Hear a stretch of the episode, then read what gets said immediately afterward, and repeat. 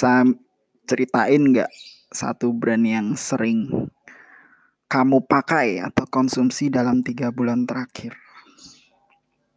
Gue hampir tiap hari itu konsumsi uh, produk dari kopi kenangan. Oke, kenapa kopi kenangan yang dipilih? Karena gue suka rasanya. Walaupun banyak kopi di mana-mana, brand baru atau brand lama mungkin apa namanya lebih mahal, lebih terkenal atau apa pun itulah. Tapi nggak tahu, uh, gue sudah suka kopi kenanga itu sejak mungkin satu tahun atau dua tahun lalu lah, kayak oh. gitu. Dan ya di masa sekarang masih stay di kopi kenangan itu. Rasa kopi kenangan itu cocok buat gue. Mm-hmm. Gue termasuk pecinta kopi uh, rasa vanilla latte dan mereka punya hmm. kopi varian itu. Dan gue di situ juga bisa pesan less coffee karena gue kan nggak bisa minum kopi yang terlalu strong. Hmm. terus selain itu juga harganya masuk banget di kantong gue oke. Tapi pernah nyoba yang lain juga? Pasti pernah kayak gitu. Kalau semisal gue bosen gue akan uh, ganti ke kopi yang lain. Misal bisa lari ke Max Coffee atau ke Starbucks kayak gitu. Hmm. Cuman kalau untuk kopi-kopi teman-temannya kopi kenangan, hmm. boleh nyebut merek yang lain nggak? Boleh lah. Misal kayak Janji Jiwa, hmm. terus apa lagi sih? Kulo ya. Kulo, Kulo uh, lain hati. Terus lain hati. Uh, apalagi tuh yang yang dulu si Jokowi tuku. Ya, eh tuku kopi kayak ya, gitu kopi tuku ha.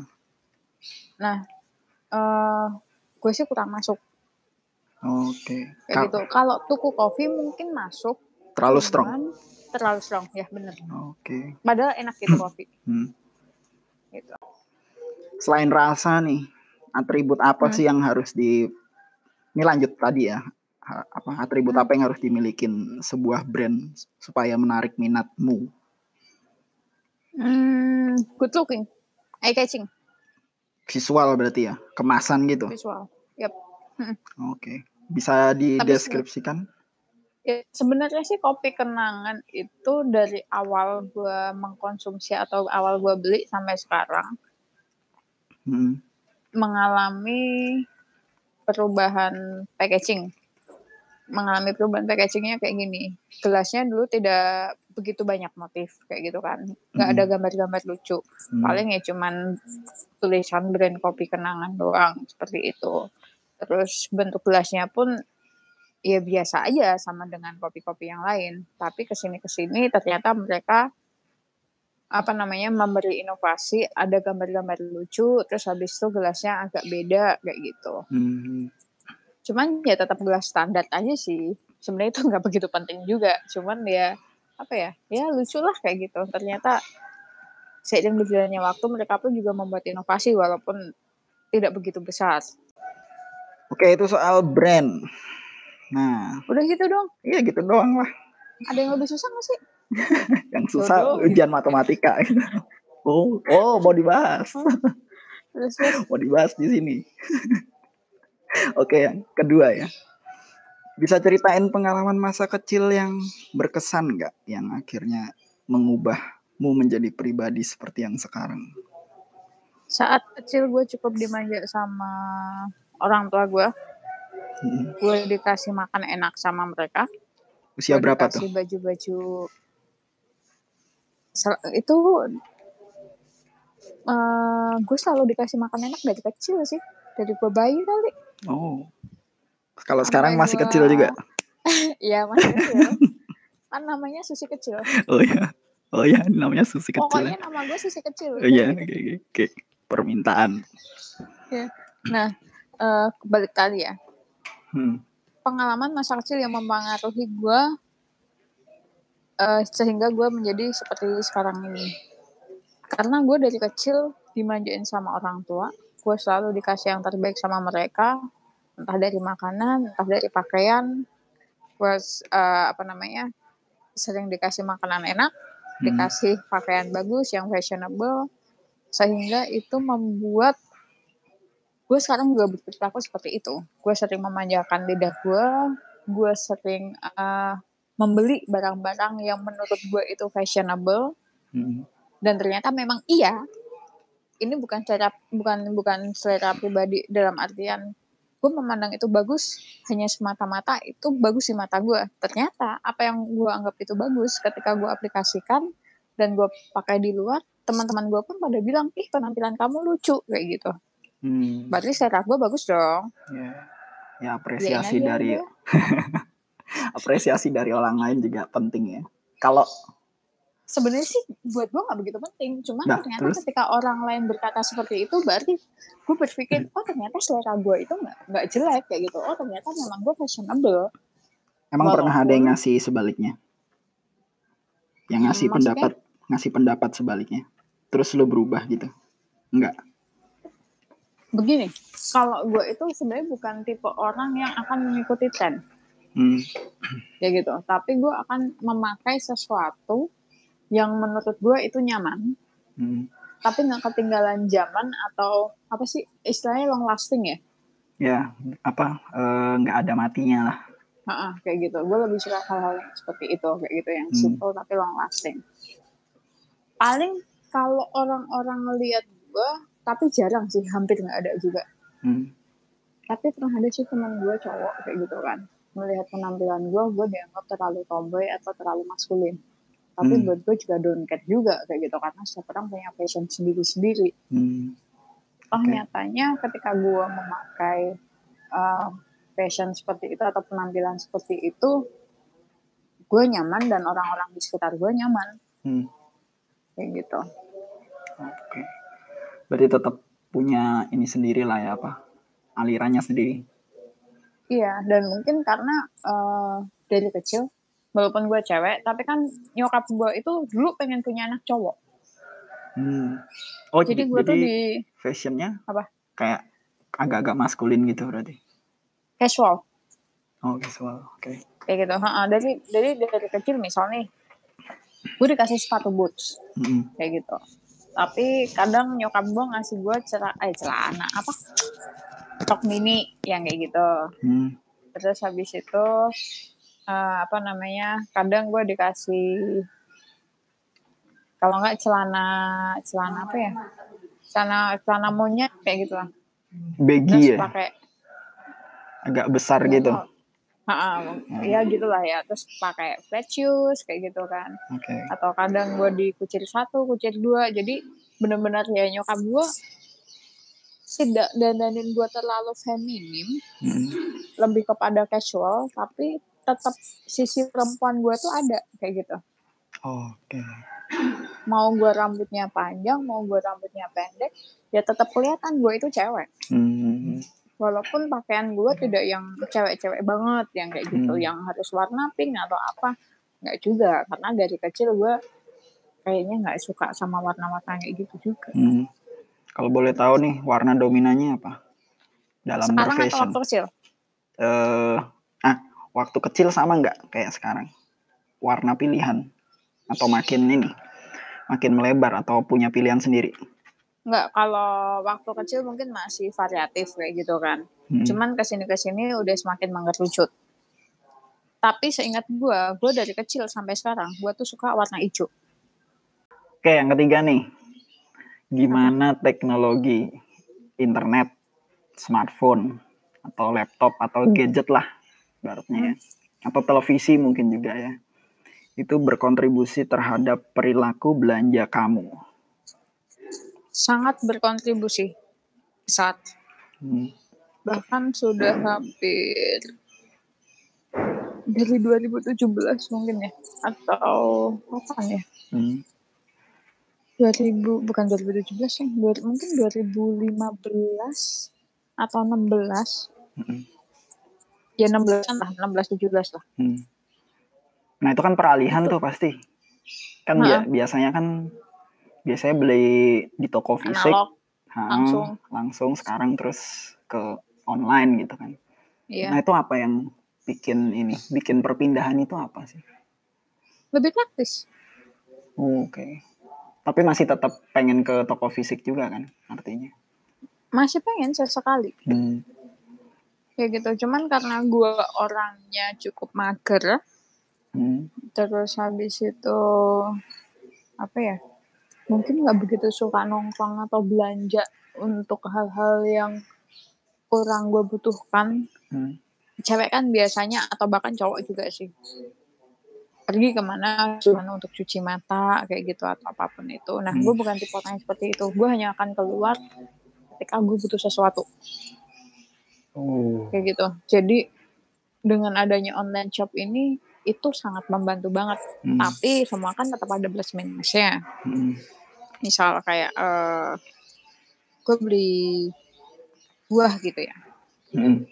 atau beli makanan Hmm. kalau gue beli buah atau sayur di online shop gue tidak tahu barang itu seperti apa ya kan Kualitasnya apakah ya. itu eh, eh, kualitasnya apakah Hmm. itu masih benar-benar fresh atau Hmm. Apa namanya udah sedikit layu atau apa pun itu kayak gitu eh, terus habis itu misal kalau gue beli pakaian Hmm. kalau semisal gue sudah tahu patokan ukuran gue untuk brand yang sama itu udah enak tapi kalau semisal gue cari atau coba brand yang lain Hmm. kadang kan gue pakai ukuran gue dalam satu brand ke brand yang lain itu kan beda Hmm. Nah semua Oke. tuh ada plus minusnya Hmm. kayak gitu kadang ada harganya yang di online shop lebih mahal Hmm. karena mereka kan kebentur sama ongkir Hmm. walaupun keben- belum kebentur sama pajak ya sekarang Ya, belum ada ya. Eh, eh, cuman eh tapi ada juga yang lebih murah di online shop Apa tuh? macam-macam mau entah itu parfum entah itu pakaian misal kayak gini apalagi di masa pandemi sekarang Hmm. gua kemarin beli parfum di tokonya datang langsung ke sana Hmm. ini masih nyebut harga Ya nggak apa-apa. oke kan biar biar real. jadi misal nih gue kemarin beli parfum Heeh. gue lupa di mana ya pokoknya di mall kayak gitulah terus gue datang ke satu toko itu parfum di sana harganya itu 1,6 juta Oke. kayak gitu 1,6 juta habis itu masuk masa pandemi gue di WhatsApp sama pegawai tokonya ternyata Oh, sekarang oke. itu parfum atau itu toko parfum eh, ngelayanin penjualan online Hmm. dan harganya gila sih itu diskon sampai 30 sampai 50 persen Oh, oke. Menjadi ratusan ribu ya. jadi ratusan ribu Oke. jadi semuanya tuh ada plus minusnya kayak gitu Hmm. Pertanyaan berikutnya. Hal-hal apa sih yang membuat kamu merasa nggak sabaran dalam perilaku belanja deh tadi? Kita sambungin ke sana. Hmm. udah itu dong Ya. Diskonnya kah? Gue tetap. Kalau ini udah sering. kalau gue sih sebenarnya bukan diskonnya Apa? apa yang gue inginkan dan Oh. apa yang gue butuhkan ketika itu Oke, oke. tapi lebih kepada yang gue butuhkan sih daripada yang gue inginkan karena nyatanya misal nih gue udah dari beberapa bulan lalu gue tuh pengen banget beli jam tangan Ah, dan memang harganya lumayan kayak gitu kan hmm. itu jam tangan udah ada diskon dari beberapa bulan yang lalu Hmm. Terus gara-gara siapa sekarang tuh? itu jam tangan belum kebeli sama gue Terus gara-gara siapa harganya tuh? udah normal lagi ketawa dia? Enggak, gue jadi teringat sesuatu. Oke, lanjut. kayak gitu. Nah, berarti kan itu bukan yang berdasarkan yang gue inginkan kan? Tapi apa yang gue butuhkan. Misal Hmm. kenapa gue bisa bilang dengan apa yang gue butuhkan Eh, gue sempat sakit kayak gitu. Ah, sebenarnya kalau misal sakit bukan sakit yang parah-parah amat kan ya apa ya? Beli obat agak nanti kan juga nggak apa-apa kayak gitu. Hmm.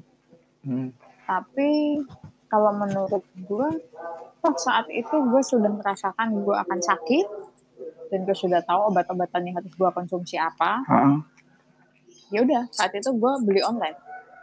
Daripada gue harus keluar hmm, kayak gitu. Ntar Iya. malah tambah sakit. Hmm. Seperti itu misal atau kalau enggak ya beli ini uh, bulanan kebutuhan bulanan pun oh, langsung hampir, nyetok gitu Heeh, gue langsung nyetok jadi oh. obat-obatan bulanan itu gue nyetok hmm. karena gue berpikir kayak gini gue tidak mau menjadi orang yang kehabisan sesuatu lalu kelabakan hmm. gue okay. mending prepare ya nyetok duluan hmm. Ha -ha. seperti itu misal nih sabun mandi ya udah gue beli dua pak. Satu kan pasti kepake sama gue hmm. yang satu masih bisa gue simpan. Ketika yang gue pakai itu habis gue udah nggak akan kelabakan tuh harus langsung harus beli atau kayak gimana karena gue masih punya cadangan. Okay. kayak gitu. Paling nanti tinggal gue restock aja. Oke ini pertanyaannya soal lingkaran pertemanan yang paling kuat mempengaruhimu itu dalam pengambilan keputusan itu dalam hal apa? Kalau ada uh, ceritain kalau nggak ada izin juga kenapa sebenarnya lingkungan pertemanan itu secara langsung tidak langsung pasti ngefek lah ya kayak gitu. Hmm. Misal seperti gue kan punya insomnia. Hmm. Gue sedang mencari solusi bagaimana caranya gue bisa memperbaiki pola tidur gue atau pola istirahat gue. Karena hmm. selama ini gue cukup ketergantungan atau membuat solusi pendek dengan gue minum obat flu. Kalau semisal gue nggak bisa tidur. Hmm. Ternyata teman gue kemarin nawarin uh, untuk coba gue pakai apa sih namanya? Minyak minyak apa sih minyak. Minyak, minyak angin. yang untuk ya apa sih yang untuk refleksi eh refleksi relaksasi relaksasi gitu lah essential oil. Nah itulah pokoknya lah ya. Mm -hmm. itu minyak minyak aromaterapi lah. Mm yang bisa membantu untuk tidur atau mengatasi insom atau anxiety atau apa pun yes. itu. Biasa orang sakit guanya. Biar relax gitu ya. Iya biar relax. Kan penyakit jiwa gue kan sudah parah. Lah malah ketawa. Siang gue dikasih solusi itu malam gue beli barangnya. Hmm karena uh, kebetulan gue sama temen gue itu punya riwayat penyakit yang sama gitu kan kami oh, punya sama-sama okay. punya gangguan tidur kami punya gangguan apa namanya gangguan belanja yang akut juga belanja yang akut gitu ya oke okay. lebih akut gue gitu. pokoknya pokoknya gue sama dia tuh hampir punya riwayat kesehatan yang sama lah hmm. makanya gue sangat atau gue teras sama rekomendasinya dia gitu. Hmm. Terus uh, karena selama ini juga kadang kami barter obat dalam artian barter obat, misal kayak asam lambung dia naik, dia biasanya konsumsi obat gue cocok, hmm. kayak gitu. Jadi ya oh ya udah pola kami cukup sama kayak gitu. Makanya terus apa yang dia lakukan atau apa yang dia rekomendasikan berani untuk gue coba. Oh. Tapi kalau semisal untuk masalah pakaian kayak gitu kan atau makanan beda banget mungkin gue punya selera tersendiri ya kalau untuk pakaian kayak gitu kayaknya sih gue punya selera sendiri seperti hmm. itu karena kan rata-rata kalau cewek-cewek ya pada umumnya bukan gue berkata gue unik kayak gitu atau gue aneh atau gue apa pun tapi kan kita punya selera masing-masing hmm. tapi mayoritas dari temen-temen gue kan memang lebih feminim hmm. daripada gue mereka biasa kalau beli tuh uh, apa namanya pakaian-pakaian yang yang cewek-cewek banget atau pakaian-pakaian Korea kayak gitu kan atau apa pun lah. Oh, okay, okay. Dan barang-barang pun atau tas pun mereka pakai tas jinjing yang cewek-cewek kayak gitu. Hmm. Sedangkan gue beli tas beli tas cowok pak. Ya tadi berkaca dengan pengalaman masa kecil juga ya berarti ya. Ya pengaruh karena itu kan. Dia gue lebih suka something yang simple gitu. Hmm. Kalau menurut gue walaupun itu sebatas tas jinjing kalau tas jinjing cewek itu kadang riuh banyak kecuali tas jinjing cewek ornamennya. yang sport Oh. Ya, terlalu banyak ornamennya atau warnanya nggak cocok sama gue hmm. atau motifnya kayak gitu. Sedangkan hmm. kalau yang tas-tas cowok itu kan lebih simpel, paling warnanya lebih apa lebih sedikit. Hmm. Ornamennya juga tidak begitu banyak, ya yang gitu-gitu lah. Hmm. Gue pokoknya suka yang simple. Oke. Okay dan fungsional juga ya dan fungsional betul hmm. daripada kita beli tas-tas cewek yang lucu-lucu tapi ternyata laptop nggak bisa masuk jadi nggak lucu dong beli tas nggak lucu dong jadi ribet sehat lu pak Enggak yang nanya juga nggak sehat. Terus ini yang berikutnya ini soal impian dan cita-cita. Uh. Apa yang ingin kamu capai? Uh, kenapa mengembuskan nafas tuh? Sepertinya lelah sekali ya. Berat ya hidup ini ya. Oke, apa yang ingin kamu capai dalam 10 tahun ke depan? Ini cita-cita sebelum atau setelah ada pandemi? Uh, sebelum dulu deh. Ntar disambungin yang pandeminya. Kalau cita-cita gue sebelum ada pandemi, ini harus banget 10 tahun. Ya, pokoknya beberapa tahun ke depan lah. Atau udah punya Iya. rencana di 10 tahun juga Iya. malah lebih baik. Boleh, boleh. Kalau sebelum pandemi itu ya sebenarnya gue punya cita-cita atau gue punya rencana. Gue tuh mau traveling. Mm. kayak gitu kan gue pengen traveling eh, bersama partner traveling gue Oke. sekalian kita menghasilkan eh, sekalian kami menghasilkan cuan dari hasil traveling kami. Hmm. dan sebenarnya itu dari tahun kemarin akhir tahun kemarin gue sudah prepare Oh, sudah kayak gitu gue sudah disiapkan. prepare udah mulai nabung beli sedikit barang-barang kayak gitu Mm. tapi setelah pandemi datang dan partner gue menghilang Waduh, mimpi itu ambiar aduh. Terus ini terus apa antisipasinya atau plan B-nya? plan B-nya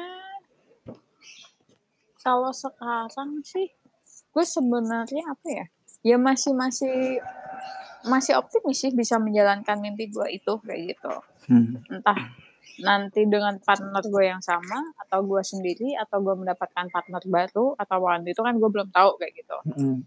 tapi sampai sekarang sih gue masih coba menjalankan plan gue itu Hmm. karena walaupun sekarang ada pandemi kayak gitu gue yakin hal-hal yang gue rencanakan itu masih masih ini kok masih bisa, Bisa, berjalan dan hmm. masih bisa menghasilkan cuan Oh. Gitu Ibu nggak jauh-jauh dari kata cuan ya? ya realistis aja sih Oh, iya sih. butuh cuan? Oke, ya bukan.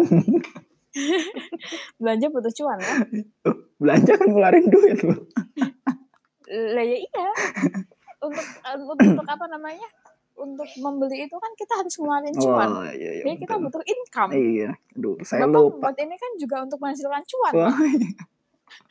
iya, saya sampai lupa loh. Ternyata begitu. Oke. membuat ini semua untuk menarik perhatian orang menghasilkan cuan Nah, ini nih, gue suka nih. Ntar gue taruh yang Jadi para pendengar, ya saya bikin ini karena duit ya. karena kita tuh orang baik kita tuh mau sharing Oh, iya. tapi benar. alhamdulillah kalau bisa menghasilkan sesuatu yang berupa atau berbentuk materi Iya, kayak gitu betul ya. kan Nah, ya itu kan mengikuti alhamdulillah karena lebih jelas ya. Dan supaya bisa berkarya lagi, ya enggak? iya supaya kita makin bisa menyebarkan kebaikan kita kepada orang lain benar, benar. gitu Oke, nggak ada cuan aja kita sudah menyebarkan kebaikan apalagi kalau ada kita makin rakus.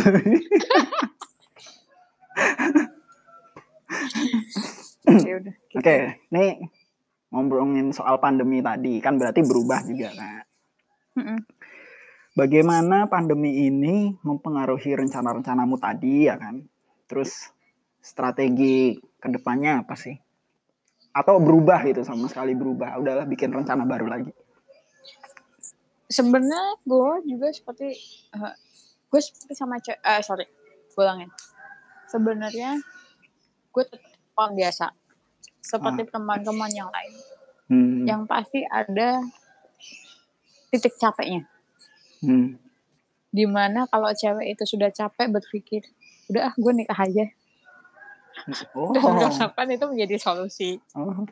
oke. kayak gitu cuman Biar cowok yang Setelah- mikir ya. coba yang mikir dengan harapan seperti itu gitu kan Iya. cuma setelah gue pikir-pikir lagi enggak deh kayak gitu gue tidak akan kalah dengan pandemi ini Wah, mantap. Itu tidak akan kalah dengan pandemi ini karena apa? Efek keplok-keplok. Jadi ingat happy papi. oh iya. Benar-benar tiap akhir lagu. Enggak, karena begini, selama ini gue sudah investasi kesehatan. Mm -hmm. Kayak gitu kan. Gue mm. sudah investasi kesehatan dan alhamdulillah nyatanya imun gue beberapa tahun ini atau uh, sudah dia beberapa tahun terakhir ini lah hmm. cenderung bagus hmm, kayak gitu hmm. cenderung bagus bahkan gue tahun kemarin itu kan sempat ngecek usia sel gue bla bla bla bla bla hmm. antara usia sel sama usia gue sebenarnya itu selisih enam tahun enam tahun lebih 6 muda tahun lebih. Pak. 6 oh, tahun lebih tua. Oh, iya, iya. saya mau mau mau komentar nih Oke, okay, okay. ya gitu. Atau usianya enam tahun malah. Kayak anak kecil. Masih kecil kan. Masih kecil.